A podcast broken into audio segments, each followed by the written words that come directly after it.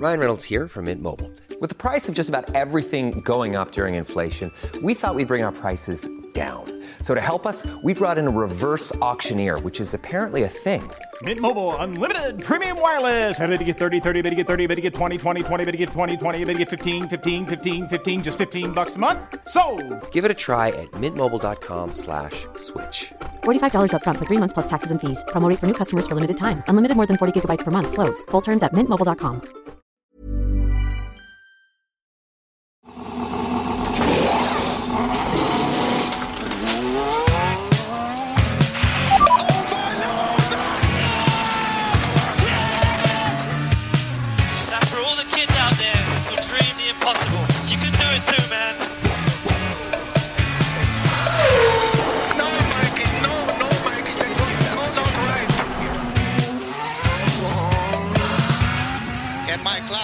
steering wheel. Steering wheel, claps and steering wheel here. Hallå och välkomna till Plattan i mattan avsnitt 5 Sportbladets F1-podd. Eller som Björn Wirdheim hade sagt i söndags. Hallå och välkomna till Sportbladets F1-podd Plattan i mattan. Hörde du honom? Det är klart att jag hörde honom. Jag tyckte nästan lite synd om honom. Jag undrar om, eh, om det var så att han var lite mm, bakfull eller om han var eh, förkyld. Jag hoppas på det första. Ja, för Björns skull så hoppas jag väl också på det första. Det jag alltså hänvisar till var ju att eh, experten i Viaplays sändning hade lite problem med tuppar i rösten som jag gillade och tyckte var kul. Det var min eh, hyllning till eh, Wirdheim. Va? Men plattan i mattan är ju alltså tillbaka här nu va? efter Melbournes eh, GP. Och Anna, du fick gå upp eh, med tupparna klockan 07.06 kanske till och med för att kolla på F1. Alltså det, det som var roligast var att jag faktiskt vaknade av grannens tupp vid femrycket. jag bor för, Ja, de har. Alltså det är inte närmsta grannen, men ett par typ så tio hus bort så har de eh, skaffat tupp. Så jag vaknade av den och insåg att nu börjar det bli ljust. Så det är väl bara att köra igång. Så jag fick värma upp eh, fingrarna där ordentligt. Härligt. Så jag var faktiskt uppe med tuppen. Så tidigt brukar jag inte vara vaken. Nej. Det var, var bra. Annars i, i F1-väg då, det har, det har dykt upp lite inlägg på bloggen din. Du har haft lite att göra. Ja, men det är absolut. Eh, När det är Formel 1-helg så får man ju se till att det händer saker och ting. Eh, det är inte så att det ska hända ute i stora världen och inte hos oss, utan det ska vara full fart på Sportbladet också. Naturligtvis. Jag eh, kollade, eh, förra gången så berättade jag att jag hade kollat klart på Drive to Survive och nu mellan poddarna så har jag faktiskt kollat på eh, Mikael Schumacher-dokumentären som också finns Har på du Netflix. inte sett den tidigare? Nej, jag har, hållit, jag har hållit mig. Du har hållit det. Hur kunde du göra det? Det roligaste jag vill säga om den är att förra veckan så pratade vi om original-teamen i eh, F1 och att Ferrari var, var med från början. Och så gjorde jag liknelsen, utan att veta så mycket, till Montreal Canadiens och NHL. Och i Michael Schumacher-dokumentären så, så filmar de från ett lopp på Silverstone, typ år 2000. Och där hänger en Ferrari-flagga som är ihopsydd med Montreal Canadiens-flaggan på Silverstone. Mm. Det är bra att du kollar ordentligt då. Ja, verkligen. Det är ögat för detaljer där. Mm, och detalj, Eh, Detaljen är också bra där att det var på Silverstone som det första F1-loppet någonsin kördes 1950, så du fick ju verkligen ihop det. Ja, och Ferrari och Montreal och Silverstone. En symbios och en kärlekshistoria som vi aldrig kommer glömma. Du, Anna, vi eh, kanske ska börja och hoppa in i Melbournes Grand Prix direkt, va? Det tycker jag definitivt att vi ska göra. Nu orkar jag inte vänta längre. Och då gör vi det i form av en genomgång i sprintformat. Häng med! Kvalet i Australien började med ett kanadensiskt inbördeskrig mellan två förare som endast har en plats i F1 på grund av pappas kanadensiska dollarpengar. Det hela gick till så här. Lawrence Strolls lille pojke släppte förbi Michael Latifis lille pojke inför kurva 6 och sen ville Latifi köra förbi Stroll igen. Men Stroll glömde tydligen bort att eh, man behöver titta i sidospeglarna i Formel 1. Och efter att det visat sig att båda förarna är okej så kan jag inte låta bli att hånsmåle när det är just pappas pojkar som båda är så här inkompetenta och tvingar biljonärspappa att öppna plånkan för att laga sonens billeksaker. Latifi har nu orsakat tre rödflagg innan säsongens tredje race dragit igång. Han förtjänar en applåd. Kanadikrocken gjorde dock att det började brinna i mekanikerbakarna hos Aston Martin som hade gett upp på Sebastian Vettels bil under kvalet. Men rödflagget gav teamet de minuter de behövde för att kunna rulla ut och genomföra ett kvalvarv. I topp så turades Leclerc och Verstappen och Perez om att slå varandra med varsin tusendel flera gånger. Men återigen så var det Leclerc som körde allra snabbast och fixade sin tredje raka pole position. Ja, och racet då? Jo, de flesta startade på mediumdäck, men det gjorde inte Carlos Sainz som efter sitt olyckliga kval startade som nia. Hårda däck blandat med en reaktionssvag start ledde till att Sainz tappade från nia till 14 plats på ett varv. En redan rutten helg blev ännu värre för spanjacken som på andra varvet visade noll tålamod då han blev otålig och körde ut i gruset där han fastnade och inte kom loss. Det var den helgen där för Sainz Junior. Frågan är vem som hade värst helg egentligen, Sebastian Vettel eller Sainz? Ja, det ska du svara på snart, Anna.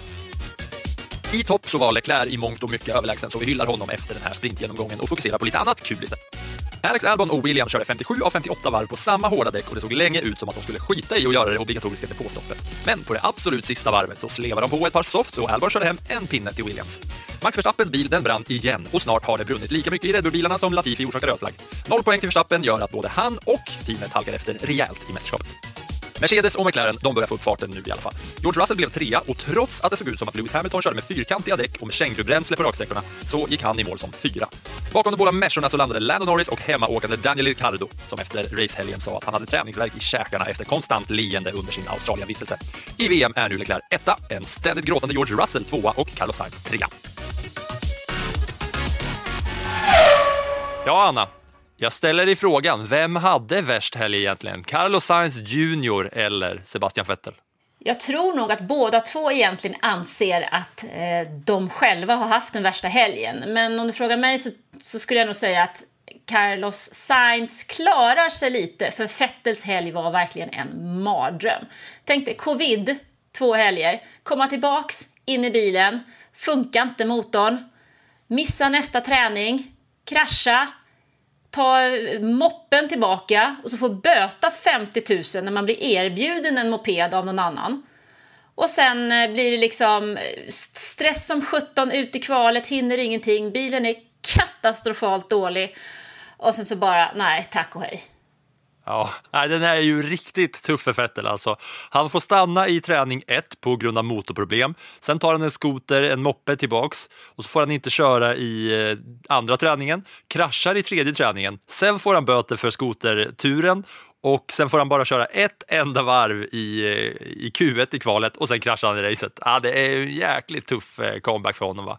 Ja, den är ju fruktansvärd. Alltså, den är nästan värre än vad man skulle kunna tänka sig här. Alltså, alltihop i sig, det är ju så att man, man rör ju bara ihop det till en rejäl jäkla misshelg alltså. Worst Ja, ever jag tyckte det var roligt med eh, Vettel att han faktiskt kom ut i, till kvalet. För det var ju på grund av att Stroll kraschade. Det var roligt för att tv-bilderna var, man, man fick se liksom att mekanikerna, de hade gett upp. Att de stod där i, i först höll de på och stressade med bilen med Vettels bil och han stod där och väntade på att han skulle bli, bli färdig för att han kunde få köra ut i kvalet. Sen ser man hur mekaniker kliver fram, så här, knäpper en läsk, dricker lite lugn och ro, alla slår av på tempot. Sen bara någon minut senare så kraschar ju eh, kraschar Stroll och då, då får, man, eh, får man se igen hur de får eld i baken och börjar kuta tillbaka. Så får de ju ut den där bilen för ett varv i alla fall.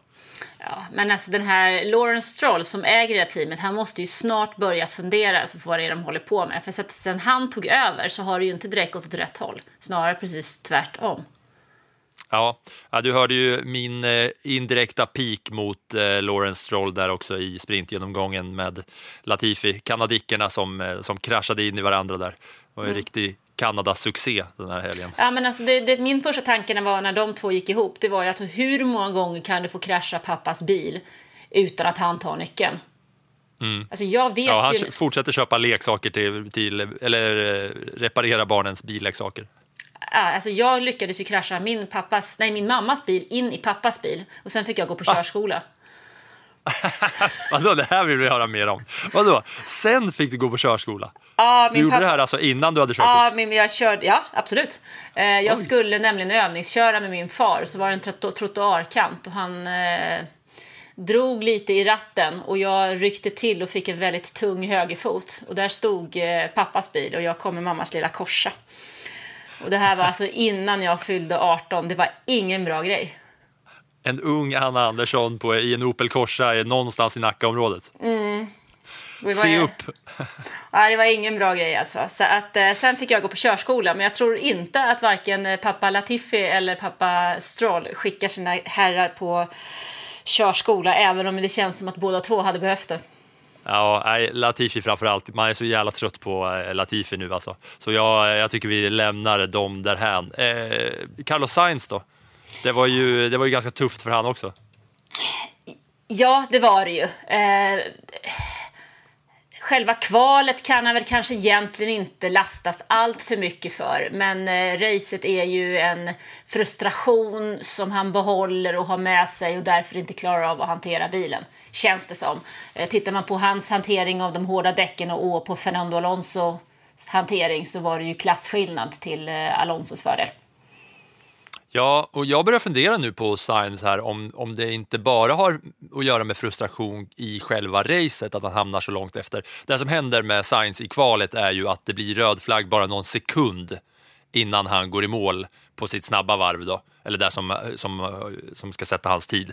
Och då räknas inte den tiden, vilket gör att han får stanna, eh, starta sist, ja, efter Alonso som kraschar då.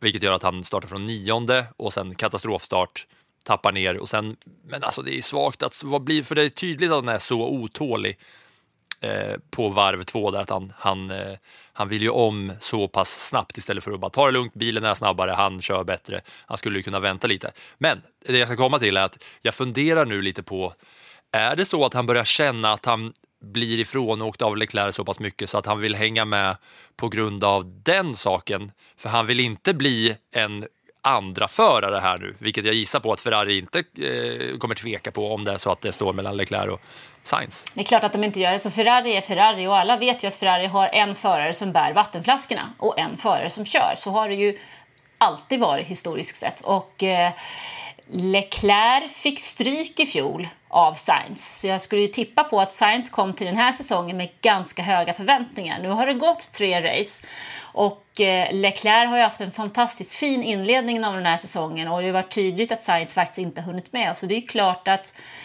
man kan tänka sig att frustrationen eh, växer och han vet vad som står på spel. Han vet också att om det närmar sig ett läge där Ferrari har möjlighet att välja en förare och behöver välja en förare för att säkra en VM-titel så kommer de ju inte ens att tveka i två och en halv tiondel.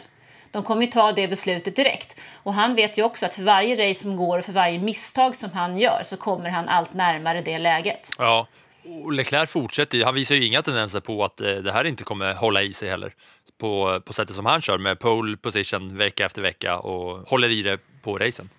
Ja, definitivt. Alltså, han har ju fått en drömstart, äntligen. Han har ju jobbat stenhårt den här killen i flera år och haft det väldigt, väldigt motigt hos Ferrari. Eh, och fått kämpa verkligen för sin plats. Så att nu kommer väl kanske, får han väl lite betalt för allt det arbete som han har lagt ner.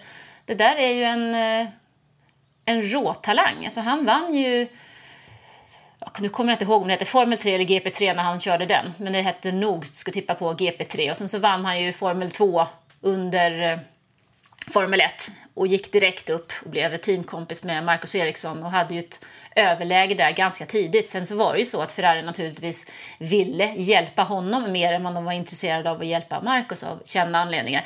Men han är ju en otroligt duktig förare. Han har dessutom ett racingsinne. Han har lite horn som petar ut under hjälmen i de lägena som han behöver. Även om han verkar otroligt trevlig varenda gång som man pratar med honom. Så att det är ju länge som vi har sagt att det där är en framtida världsmästare. Så kanske är det redan i år. Ja, han har ju minst sagt, alltså alla stjärnor står i rad, vad säger man? Stjärnorna är aligned för eh, Leclerc, hittills i alla fall, med att han tar pole efter pole och så eh, kör han och vinner, vinner racen samtidigt som det många anser då, och kanske vi också då, tror att Verstappen ska vara den främsta utmanaren som inte ens har gått i mål eh, två, av, två av racen. Så det är ju, det är ju väldigt passande för, för Leclerc och eh, hans jakt på den här titeln. Bilen, bilen går kanon, han känner sig trygg i den, är nöjd med, med hela den grejen. Och att han just nu, som vi säger, att han har fått det här lilla försprånget från Sainz som kan leda till att han då blir eh, ja, ut, uttalad eh, första förare. Mm. Samtidigt så är det så att vi är på lopp 3 av 23 så att vi har ju, ot vi har ju otroligt mycket tid kvar på den här säsongen och det kan ju svänga många gånger till. Jag, om jag inte minns fel så hade Vettel någon gång typ 60 poäng upp till eh, VM-ledningen men vann ändå en VM-titel. Så att det kommer ju kunna svänga. Alltså bryter han två gånger resten av den här säsongen, eh, Leclerc, så, så är det nollor och då är det en annan sak igen. Då kommer vi in, då in på det här som jag tycker är så viktigt och alla andra tycker är så tråkigt, tillförlitligheten. Det är där vi hamnar i slutändan i alla fall.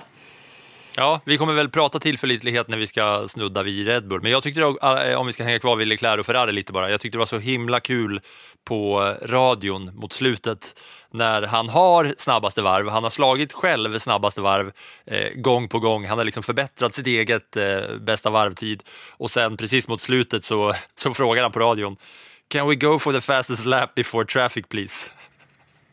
Och då har han det redan och inte i närheten och svarar no negative, we have the fastest lap and we don't think anyone can beat it. Okay, but Okej. Okay. okay. det kändes ju nästan som att han inte hade koll där på det här med snabbaste varvet och hur det såg ut riktigt bakom honom i det läget faktiskt. Eh, han var ju egentligen helt överlägsen hela, hela racet från start till mål. Ja, och han, eh, som sagt, ju mindre bensin det fanns kvar i, i, i bilen, desto snabbare, snabbare körde han på, på slutet ändå och ökade på, eller drog ifrån där i snabbaste varv. Ja, när, vi ändå är på, när vi ändå på, ja, förlåt, vad skulle du säga? Nej, men det kändes ju egentligen som att eh, Förstappen som ändå låg två under längre tid, han hade egentligen ingenting att komma med. Alltså det, det, det var liksom lösa puffrar i den där pistolen. Ja, Nej, men och, och just det som vi sa med att Leclerc hade ett så pass tydligt försprång och var så tydligt snabbast på banan så var det ju, Perez låg ju där bakom och puttrade och apropå radiotrafiken så tyckte jag det var roligt med det Perez sa på, eh, på radion till sitt team så, så hörde han bara av sig och Are you still, are you still awake guys? Ja, och de svarade att de hade, vad var det, de hade lite problem med eh, den här eh, tidsomställningen och den är ju faktiskt eh, tuff alltså i Australien. Jag tyckte det var roligt i alla fall med, med, med radio, radiotrafiken. Först var, det, först var det Leclerc som ville sätta snabbaste varv när han redan hade det och sen var det Perez som frågade, are you still awake? De bara, ah, vi har lite jetlag-problem och sådär, men nej, det är ingen fara. Och sen var det också Hamilton som också på slutet kom med lite orimlig anklagelse, alla Hamilton på slutet, när han sa, you guys put me in a real really difficult position när han ligger bakom Russell där på slutet. Det var så konstigt. Jag fattar inte vad, hur, vad menar han? Nej, men det var lite så jag tänkte också. Men eh, där var det ju också så att Russell hade ju liksom lite flyt med, med rödflaggor där va? På ett sätt som Hamilton inte hade. Eh, och han kändes väl förfördelad för han ville väl faktiskt inte vara efter Russell.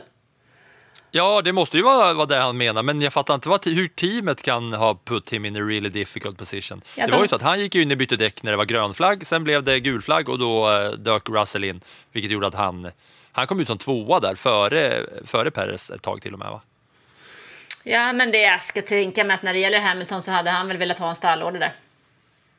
Ja, att han skulle få köra förbi, ja. Mm. Det, blev inte mycket av eh, den grejen, men det är ändå roligt. You guys put me in a really difficult position. Det tyckte jag var, var kul. Eh, vill du eh, ta dig vidare till eh, en annan difficult position som är förstappen, eller? Det kan vi definitivt göra. Ja, första... Och tillförlitligheten. Ja, den där jädrans. Det är ett långt ord att skriva, men det är otroligt viktigt. Alltså grejen är nu att nu har han nu har kört tre lopp, han har vunnit ett och varit med i toppen av två, men det hjälper ju inte att vara med i toppen om du inte tar bilen i mål. Och det är lite oroande det här ändå att Red Bull, eller Red Bull-familjen, i varje race har haft i alla fall en bil som har nollat. Ja, och det, det har ju sett till att de är långt efter i, i totalen då, eller konstruktörsmästerskapet. Eller konstruktörsmästerskapet. Apropå ord som är långa och lätta. Ja, men det är, ju, det är ju precis just det som har varit problemet för Red Bull hittills. Men vi kommer ju tillbaka. Vi pratade om det, jag kommer inte ihåg vilket avsnitt det var, men när vi pratade om att eh, Ferrari har ju började ju med sin bil i god tid. Och hur påverkade det då Mercedes och eh, Red Bull som behövde fightas fram in i allra sista racet? Hur har den här säsongen påverkat dem? Och som vi ser nu så har de ju kanske inte riktigt haft samma möjligheter, vilket är helt normalt efter den förra säsongen som de hade. Så att där finns det ju en massa jobb kvar att göra. Sen så tror jag att de här bitarna just när det gäller tillfällighet och få tag på bilen och sånt, ju längre tiden går så kommer de ju att lösa problemen. Frågan är ju bara hur lång tid det tar innan problemet är löst och hur mycket de har förlorat på den tiden. Ja, och framförallt då med budgettaket funderar jag mycket på här. För att för varje gång som, som den där bilen brinner så kostar det ju att laga och utveckla och förbättra och finslipa. Så det går ju pengar som skulle kunna gå till mycket andra delar som de skulle vilja göra för att förbättra bilen går ju till att bara lösa det här motorproblemet då när, när den brinner gång på gång.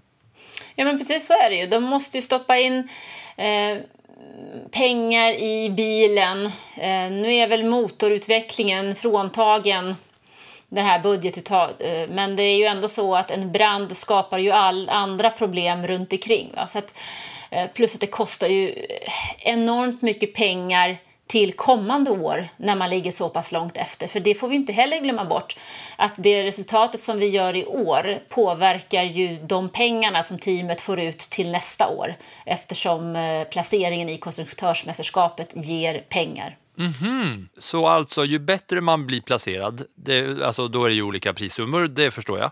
Men är det också då att man får använda alla prispengarna på sin nästkommande budget då alltså? Ja, men du får ju, du får ju det som resultatet som du har när säsongen går ut. Liksom. Du får ju pengar efter tv-pengar, vilken placering du är där. Så ju bättre du är i konstruktörsmästerskapet, ju mer pengar får du.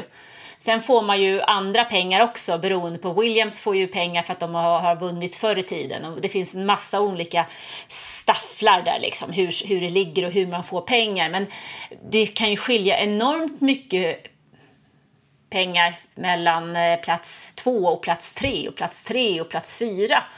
Eh, så att det blir ju en konsekvens i längden, även om man kanske ser just nu, ja det handlar om budgettaket i år. Ja, men det handlar ju inte bara om i år, utan det handlar ju liksom om nästa år också. Mm. Ja, och, och även där med, med hur det påverkar framåt. Så, så det som vi har sett med Red Bull är att bilen brinner, sen så kommer de tillbaka och så vinner de ett race och sen brinner bilen igen. Och då spelar det ingen roll om de kommer tillbaka och vinner racen här och där när de, eh, när de inte tar några poäng med en bil vecka efter vecka. Så det är också en sån grej för konstruktörsmästerskapet, konstruktörsmästerskapet och eh, ja, och Max Verstappen för, för totalen då, som, eh, som han egentligen går för helt och hållet. Mm. Ja, men det kommer, det är ju, vad räknar jag rätt nu, 46 poäng som skiljer mellan eh, Leclerc och Verstappen. Det är alltså nästan två hela segrar. Ja, och det gör ju också att Mercedes är väl tvåa i, för, mästerskap, för mästerskapet och konstruktörerna. Ja, och det, det sitter vi här och snackar om att de har himla problem med den där bilen och de är usla och så vidare. och så vidare. De ligger ändå tvåa i båda mästerskapen. Så himla illa pinkat är det inte det.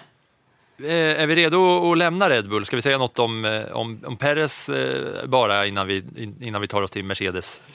Som vi kanske vill nämna något om. Ja, vem ska vi säga, vad ska vi säga om honom? Ja, att han, jag undrar om det är så att han, han är mindre ivrig och bättre med sin rutin på att hantera bilen, vilket gör att, att han klarar sig. Max, att Max Verstappen inte riktigt kan hålla sig på, på rätt sida, how much to push the limit, så att säga. Har, Kan man, det vara något sånt? har Max Verstappen någonsin kunnat det? Så varför skulle han kunna det i år? Nej, men just att med den här nya bilen, att, hans, att Verstappens körstil inte passar lika bra med den här nya bilen. För Perez är ju, han går ju ändå i mål och, och tar poäng. Ja, men, men vi ska titta, Perez är ju en väldigt erfaren spelare, eh, spelare jag, förare som har kört upp bilar på pallen genom en otroligt bra eh, däckstrategi år efter år. Han har kört många olika typer av bilar. Han har kört bra bilar, han har kört mindre bra bilar, han har kört dåliga bilar. Han har kört för olika stall och han har ju skaffat sig en ryggsäck som han kan plocka i och har ett, någon slags lugn i sig själv.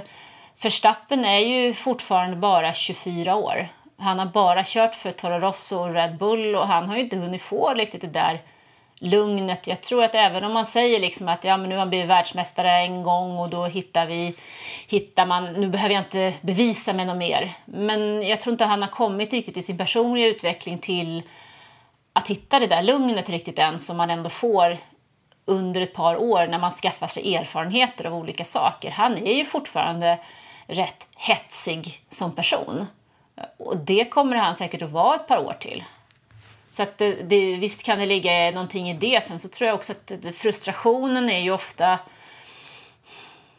Är man så som person så är man ju ofta mer benägen att bli påverkad av frustration än om man har ett litet mer lugn och vet att i det långa loppet så löser jag det här ändå. Det kanske är lite, det är lite, lite samma läge där som, som science ligger i att man vill och man vill nu. Precis så var det jag tänkte när jag bollade upp den där. Och det känns ju som att du totalbekräftade det att Peres lugn och rutin gör att det här det passar mycket bättre till den här nya Red Bull-bilen och Max Verstappens ivrighet och youth och eh, hela den här grejen att, att eh, ja, Perez kanske är bättre för eh, pålitligheten här för, för Red Bull så här dags i säsongen. Sen är det frågan om det handlar om den nya bilen. Det kan ju också handla om situationen som du hamnar i. Att viss, mm. vissa klarar av att hantera en motgång och ta med sig det och lär av den och gå vidare medan andra har ju en tendens att bli mer påverkade av en motgång. Och nu är det faktiskt så att Verstappen inte bara haft en motgång här utan det är faktiskt två nollor.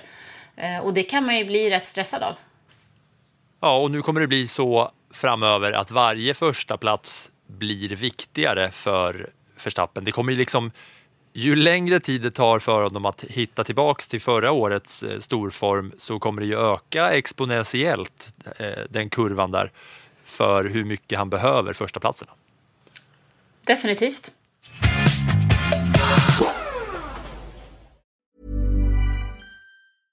Hey, I'm Ryan Reynolds. At Mint Mobile, we like to do the opposite of what Big Wireless does. They charge you a lot, we charge you a little. So naturally, when they announced they'd be raising their prices due to inflation, we decided to deflate our prices due to not hating you.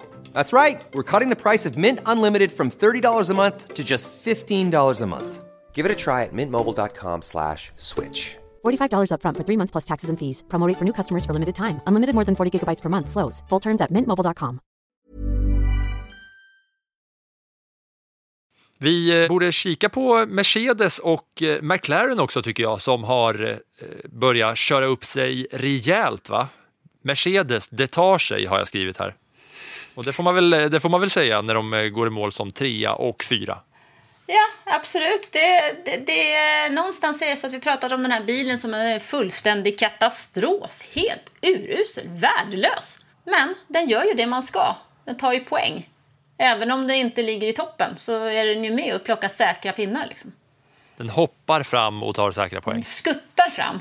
För att på den här banan var det ju värre än någonsin ju, på, på den långa raksträckan där de inte fick, eh, ja, där de tog bort DRS-funktionen.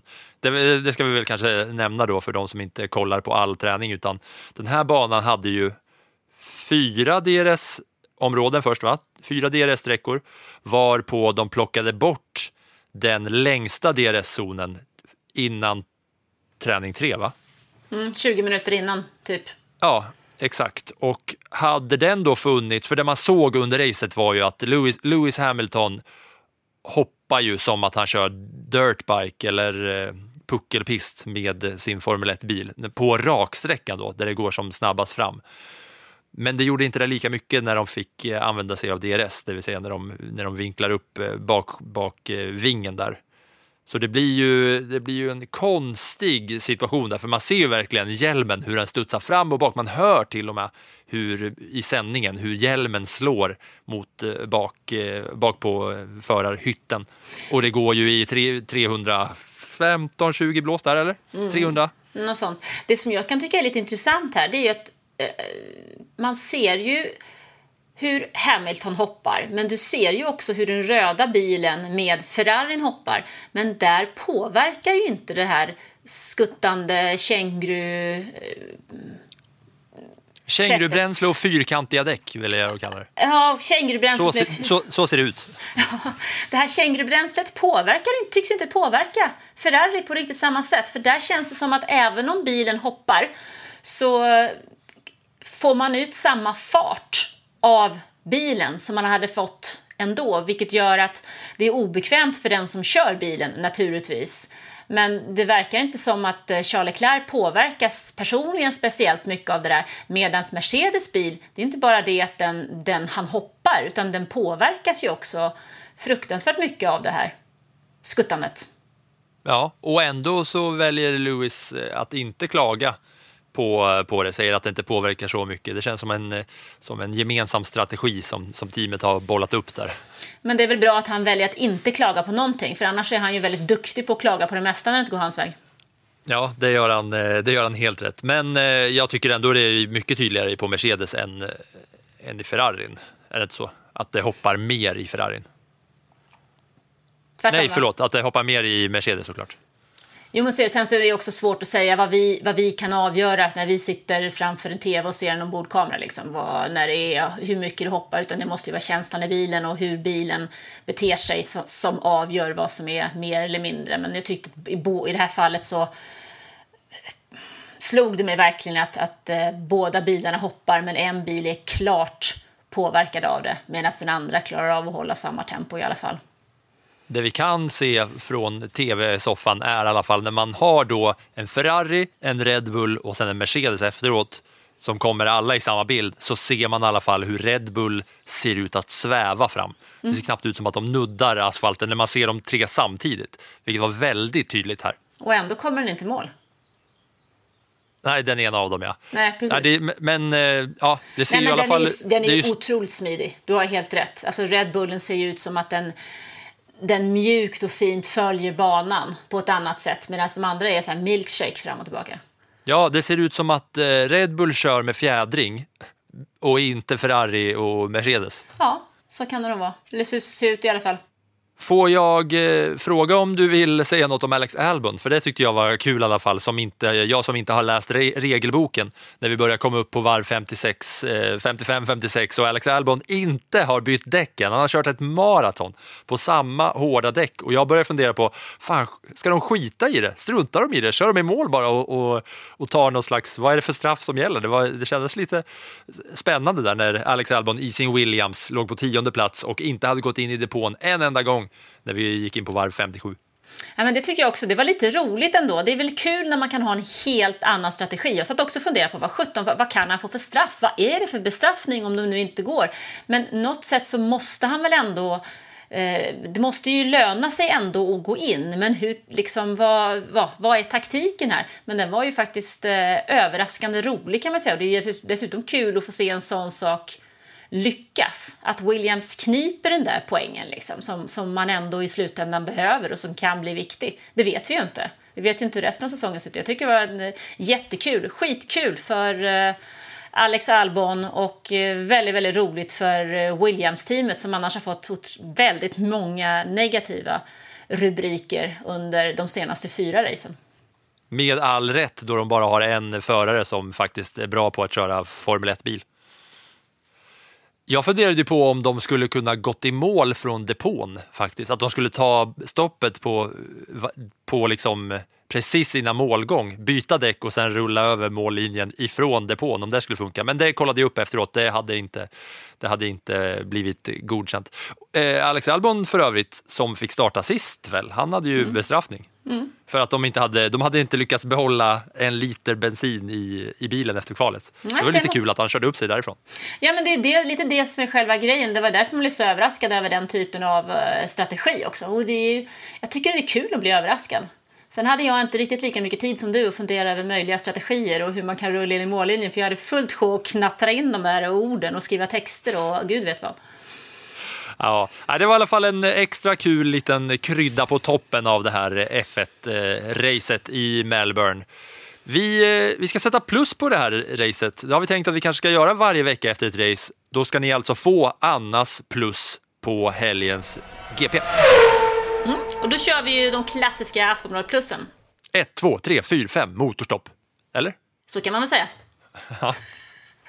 Låt höra Anna, vad, vill du börja från botten eller från toppen eller någon annanstans? Ja, men vi kan väl göra så här att vi börjar från ettan och ett, ett plus på Aftonbladet är ju faktiskt underkänt. Två plus är godkänt, tre är bra, fyra är mycket bra och fem är världsklass. Det är många som inte riktigt har fattat det där. Två plus är faktiskt godkänt. Ja, den, den lever ju med i resten av livet. Det brukar jag få typ så av, av polare också. För att om man har käkat mat någonstans och så säger man ja men det var två plus. Då är det ju godkänt, men då blir ju alla kränkta och vansinniga för att man ger den ett dåligt betyg. Men två, två plus, det är bra. Det är Ja, det är som man det är som när man gick i skolan. Tvåa var helt okej. liksom. Vi gick i skola i olika tidsepoker. Där blottar du eh, di- dig själv och din ålder, va? Den tror jag att det är ganska många som har koll på i alla fall. Ja, det får vi hoppas.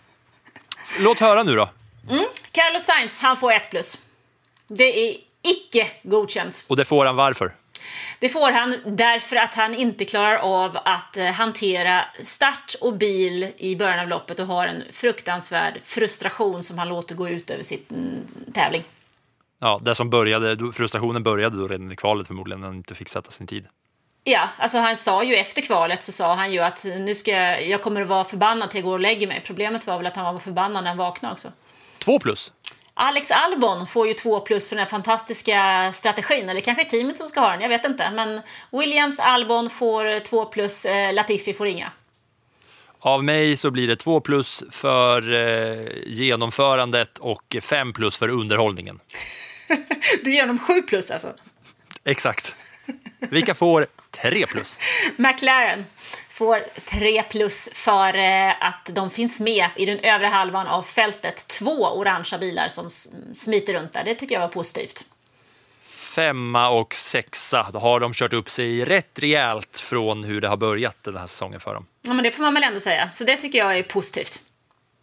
Ja, det känns som en given treplussare för McLaren. Frågan är då om de kommer fortsätta med samma typ av utveckling eller om de liksom har hittat sin nivå här nu. Det undrar man lite framöver. Mm, Sen så, mm, vi måste komma ihåg att varje gång som vi startar eh, F1-säsongen i Melbourne så blir det ett resultat och så säger man oj, oj, oj, gud vad de här är bra, det här blir spännande i år. Och så visar det sig sen att den där banan går inte att jämföra med någonting annat. Så bara för att man är bra i Melbourne så ger ju det inte någon vidare indikation på hur resten av säsongen kommer att se ut. Det finns ju andra banor som exempelvis Barcelona som är betydligt bättre när man kan se lite mer på hur fältet ligger till. En bil som går bra i Barcelona den brukar vara jämn. Eh, Så att eh, det kan mycket väl vara en dagslända för McLaren även om jag inte hoppas på det.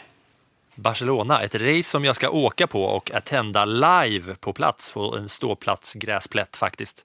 Härligt! Det ska bli kul för mig. Fyra plus. George Russell får faktiskt den där fyran för att han är eh, tvåa i VM. Han är tvåa! Ja, tvåa i, i poäng i VM och etta när det kommer till att fälla tårar, tycker jag. Ja, ja. Jag, tycker jag, jag har nästan aldrig sett han inte gråta, men eh, absolut, fyra plus, det ska han ju verkligen Men ha. män, män kan väl också gråta, eller? Ja, om man ser George Russell som en man eller en pöjk, va? Det får man välja själv, men jag kan ju säga att jag, jag griner hur mycket som helst. Jag grät typ sex gånger under Schumacher-dokumentären. Jag avslutade hulkandes med tårar rinnandes ner för mina kinder. Men eh, försörjningen då, George Russell, där ska han ju ha fyra poäng före eh, Lewis Hamilton i mål. Mm, men jag tycker att han har liksom klivit in här i år ändå och eh, visat att han eh, är rätt val för Mercedes.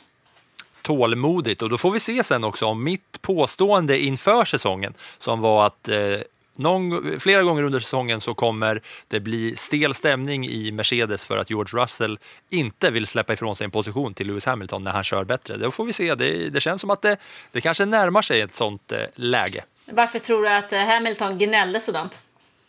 För att han är ledsen.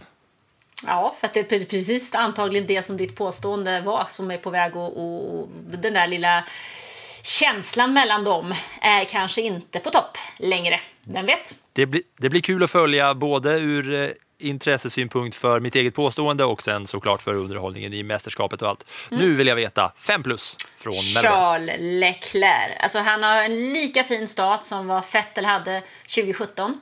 Då lyckades inte Vettel eh, vinna någon titel det där året. Men den enda Ferrari-föraren faktiskt som har haft en bättre start det är Schumacher 2004. Han vann eh, fem lopp i starten av den säsongen. Vi har sagt tillräckligt om Leclerc för att djupdyka in. Han är ju väl förtjänt av 5 plus världsklass alltså. Ja, jag tycker inte det var någon annan som var i närheten av de fem plus den här helgen. Nu lämnar vi Melbourne och kika på vad som har hänt sedan racet i form av nyheter och snackisar lite kort. Nyheter och snackisar som har hänt sedan racet då, det är att vi har fått eh, lite Toto Wolf-kommentarer om Michael Massey och då är det alltså inte No Michael, no, no, it was so not right. Utan det är ju något som eh, rör den grejen. Men Toto Wolf har varit ute och svingat lite grann då mot eh, den förre. Ja, han var ju otroligt tyst otroligt länge, får man ju ändå säga. Alltså nu har det ändå januari, februari, mars, april. Han höll ju tyst i fyra månader. Men nu plötsligt så måste han ju ha käkat någonting till frukost och känt att det här måste jag måste lätta mitt hjärta. Och, Ja, vad var det han sa då? Han var en börda för sporten eller något? Ja, han är en belastning för sporten. Eller han, eh, så här. Jag skulle väl tro att Wolf menar ju att en domare ska ju inte vara den man diskuterar. Det spelar ju egentligen ingen roll vilken sport det handlar om. Om det är fotboll, hockey, basket, handboll, whatever, så är det ju inte domaren vi ska diskutera efteråt. Men han anser väl att eh, Masi i det här läget såg till att han tog den positionen eh, och tog sådana beslut där han egentligen eh, inte var helt schysst i de besluten han tog, vilket gjorde att han hamnade i centrum på fel sätt.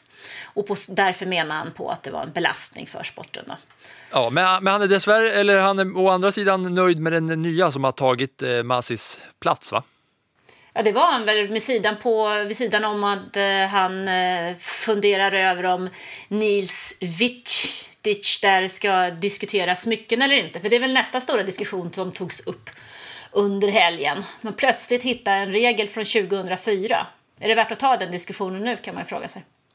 Ja, den där garvade jag ju åt. Jag tycker ju att det är så extremt jävla fjantigt att, eh, att ett, plocka upp, plocka upp den nu när det är så pass mycket positivt kring sporten och det är så mycket nytt folk som kommer in och racen är underhållande och det är så mycket kul, publiken är tillbaka överallt. Och Alltså det är 400 full 000! fart framåt. 400 000 Ja. i Melbourne, det är fantastiskt.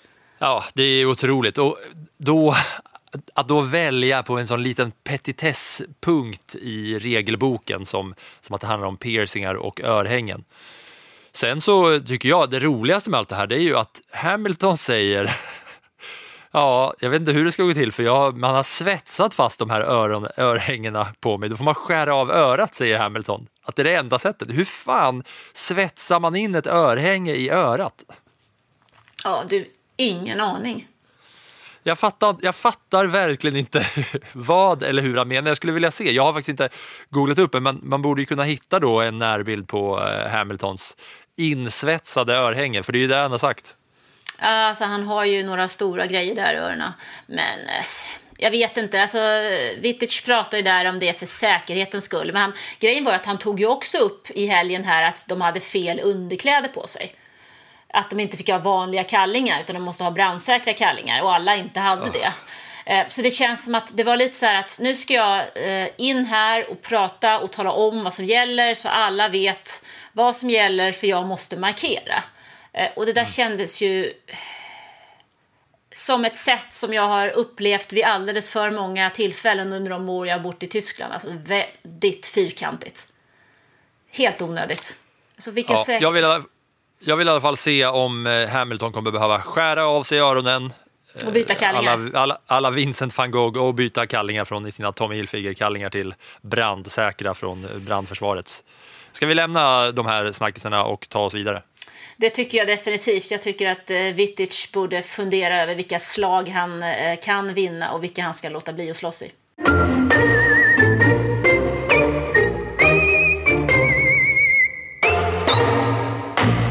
Hur fan har det gått för våra resande svenskar? Det får du veta nu. I Svenskkollen. Vi får inte glömma att vi faktiskt har haft två svenskar igång i Long Beach också. Det är dags för Indycar där Felix Rosenqvist startade fyra. Det kändes ju positivt, men sen så eh, var däckslitaget något fruktansvärt så han eh, rasade ner i fältet och slutade elva. Eh, Marcus Eriksson startade åtta åtta och fanns med i tätklungan. Han var liksom eh, trea när det var 20 varv kvar och sen så gör han ett misstag. Slutar i muren och eh, långt utanför och nedanför mot vad han hade tänkt. Så att, och så skrev han efteråt att det där gjorde ont liksom. Och det känns hemskt just nu. Och det kan jag ju absolut förstå att det gör. För att eh, det där var ju inte där som han vill vara. Och ska han vara med och slåss om någon titel i Indycar så har han ju inte råd att hålla på med den typen av misstag. utan då måste han ju skärpa till sig. Eh, Eriksson är trots allt i alla fall eh, bäste svensk i Indycar och han ligger åtta nu. Mycket tack vare pallplatsen i Texas. Medan Rosenqvist är 17 gubbe.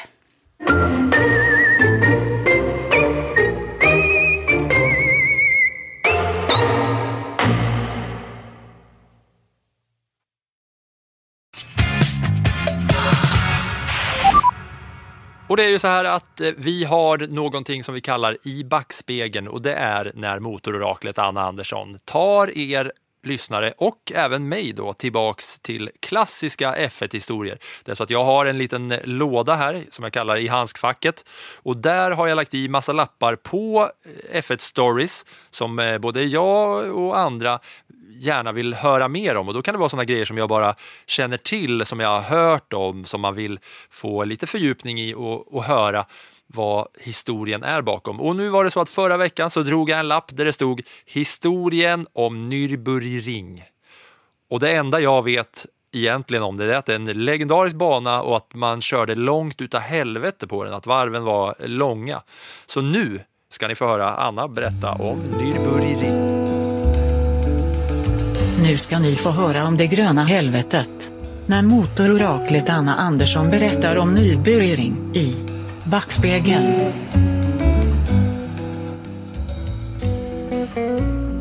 Ja, vi får ta oss tillbaks ända till 1922. Då kördes nämligen de första tävlingarna i bergen kring Eiffel. Och då gick banan genom olika byar och mindre städer och det här vart ju naturligtvis rätt farligt. Så därför bestämde man sig för att bygga en riktig racerbana. Och den banan i Eiffelbergen invigdes den 18 juni 1927. Och den var då 28 kilometer lång. Och den äldsta delen av den här banan kallas för Nordschleife. Och i Tyskland så går namnet under Der Ring, det vill säga ringen, eller Die Grüne Hölle som betyder det gröna helvetet. Och man använde den här gamla sträckan fram till och med 1982. Och den ansågs väldigt farlig och spännande. Och när jag gick tillbaka och tittade här i programmet, så 1961, så stod det att den här banan, där stora, Europa, eh, stora priset från Europa körs på, har eh, välförtjänt kallas för det största racet på den längsta och svåraste banan i världen. 1984 så byggdes delar av banan om för att bli en betydligt säkrare och då var den 4,5 km lång. Och den kan även bindas ihop med den här gamla delen av Nordschleife och det är där som man kör 24 timmars lopp. Och är banan farlig? Ja, absolut. Vi är många som har sett filmen Rush och det var just här som Niki Lauda kraschade väldigt illa och brännskadades svårt 1976. Och jag hade faktiskt möjlighet att prata med honom om det här en gång. Och han eh, sa då på sitt bryska och lite ironiska sätt att eh, ja, ja, vi kan väl prata om den där grillfesten på Nürburgring. Så berättade han lite grann eh, kring det och om det. Ehm, det är så att ungefär 140 människor har mist livet i samband med tävlingar på den här banan eller när turister har testat sina bilar på banan. För det här är alltså en bana som man faktiskt kan köra på. Och idag så är det här hela det här Nordschleife-varvet. Det är mer än två mil långt. Det innehåller 73 kurvor och höjdskillnaden är 290 meter. Och en annan rolig detalj är att det står ett stenkors ungefär kring 3 kilometer. Det kallas för Schwedenkreuz. Och det är ett minnesmärke från 30-åriga kriget då borgmästaren Hans Friedrich Datenberg år 1638 rånmördades av svenska soldater. Formel 1 tävlade på Nürnbergring ganska länge. Man gjorde en växel mellan Nürnbergring och Hockenheim. Och senast vi såg ett F1-lopp där, det var faktiskt 2020 då banan hoppade in under coronapandemin. Och det racet vanns av Lewis Hamilton. Och det är många som fortfarande undrar varför man inte kör Formel 1 i Tyskland när intresset är stort. Men det handlar framförallt om ekonomin. Varken Hockenheimring eller Nürburgring har klarat av att få ekonomi i sina race.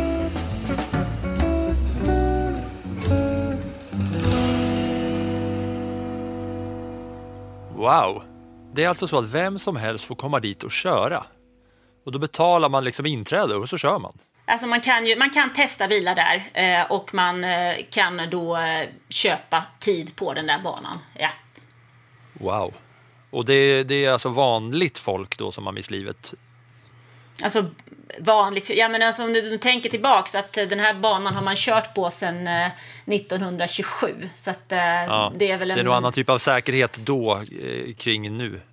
Ja, men så är det ju naturligtvis. Så är det ju naturligtvis. Eh, Det är ju likadant om man tittar på Le Mans exempelvis. Där är det också flera stycken som har mist livet. Och det har hänt rätt mycket om vi går tillbaks till de racen som kördes på Nürburgring för hundra år sedan. När man körde genom byar och eh, mindre städer fram till idag. Men det är en klassiker, Du- absolut. Du, det- du sa att du hade snackat med Niki Lauda och han, han kallade det för den stora grillfesten. Det var så, jag ville bara höra dig säga det på tyska och då sa han Det kän- Det kändes som en kul grej på tyska där han berättade, han sa till dig. Vad- Hur säger man? Das große Grillparty.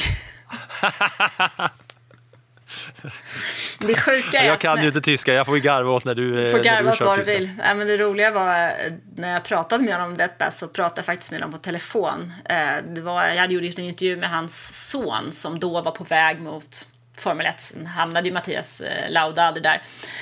Men när jag pratade med Nicky Lauda om det så pratade jag med honom på telefon och helt plötsligt så säger han bara Ah, vänta lite, vänta lite. Så blir det helt tyst. Tänkte jag, vad händer nu? Och sen så kommer jag tillbaka. Ah, du, eh, förlåt, men det kommer en polis här. och Jag får inte köra med eh, mobiltelefon i handen. Men nu är han borta, så nu kan vi köra igen. Så han tog den då med telefon i näven, inga headset, inget bluetooth i bilen. Ingenting. Ja, det passar väl en sann eh, motorlegend va? Definitivt. Vi tackar ju såklart för den där fina i backspegeln om Nürburgring och det kommer vara så att nästa gång vi får höra Anna berätta en F1-historia för eh, backspegeln här kommer vara när det inte vankas race kommande helg. Det vill säga nu i helgen så har vi inget race överhuvudtaget utan när vi hörs nästa gång om en vecka så kommer vi att snacka upp racet som är Italien Racet som kommer härnäst är alltså, som det står på Formel 1s hemsida, Formula 1 Rolex Gran Premio del Made in Italy e del Emilia Romana 2022. Det är alltså det racet som eh, kommer upp 22 till 24 april. Eh, vi har inget race den här veckan, men när vi hörs igen så kommer vi då snacka upp det Grand Prix ingående och eh, noggrant. Och så har vi ju massor med nyheter att ta med oss säkert kring vad som har hänt i F1-cirkusen, va? Det räknar jag med. Det brukar vara så, men det är aldrig några lugna veckor inte. Kommande race är alltså 24 april och efter det så dras det vidare till USA där det ska köras Crypto.com Miami Grand Prix. Jag Det är måste, så det heter. Ja, men jag måste jag ser faktiskt fram emot det här med eh, att komma till Imola nu. För nu har vi varit borta i Mellanöstern och vi har varit i Australien. Det känns som att Imola om ett par veckor är då som vi första gången kan få se några vettiga uppdateringar på bilarna. Eh, ja, nu har de ju tid på sig och eh, vi, teamen, framförallt Mercedes och McLaren, har ju förbättrat sig och nu får de lite mera tid.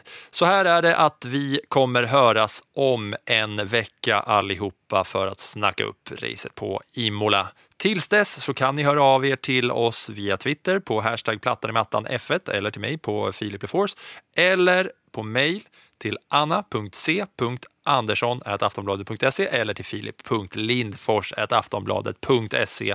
Vi tackar er jättemycket för att ni lyssnar på den här podden. Eh, Vi fortsätter att leverera en gång i veckan och kackla om F1. Tackar för nu, Anna. Tack så mycket! Tack och hej då!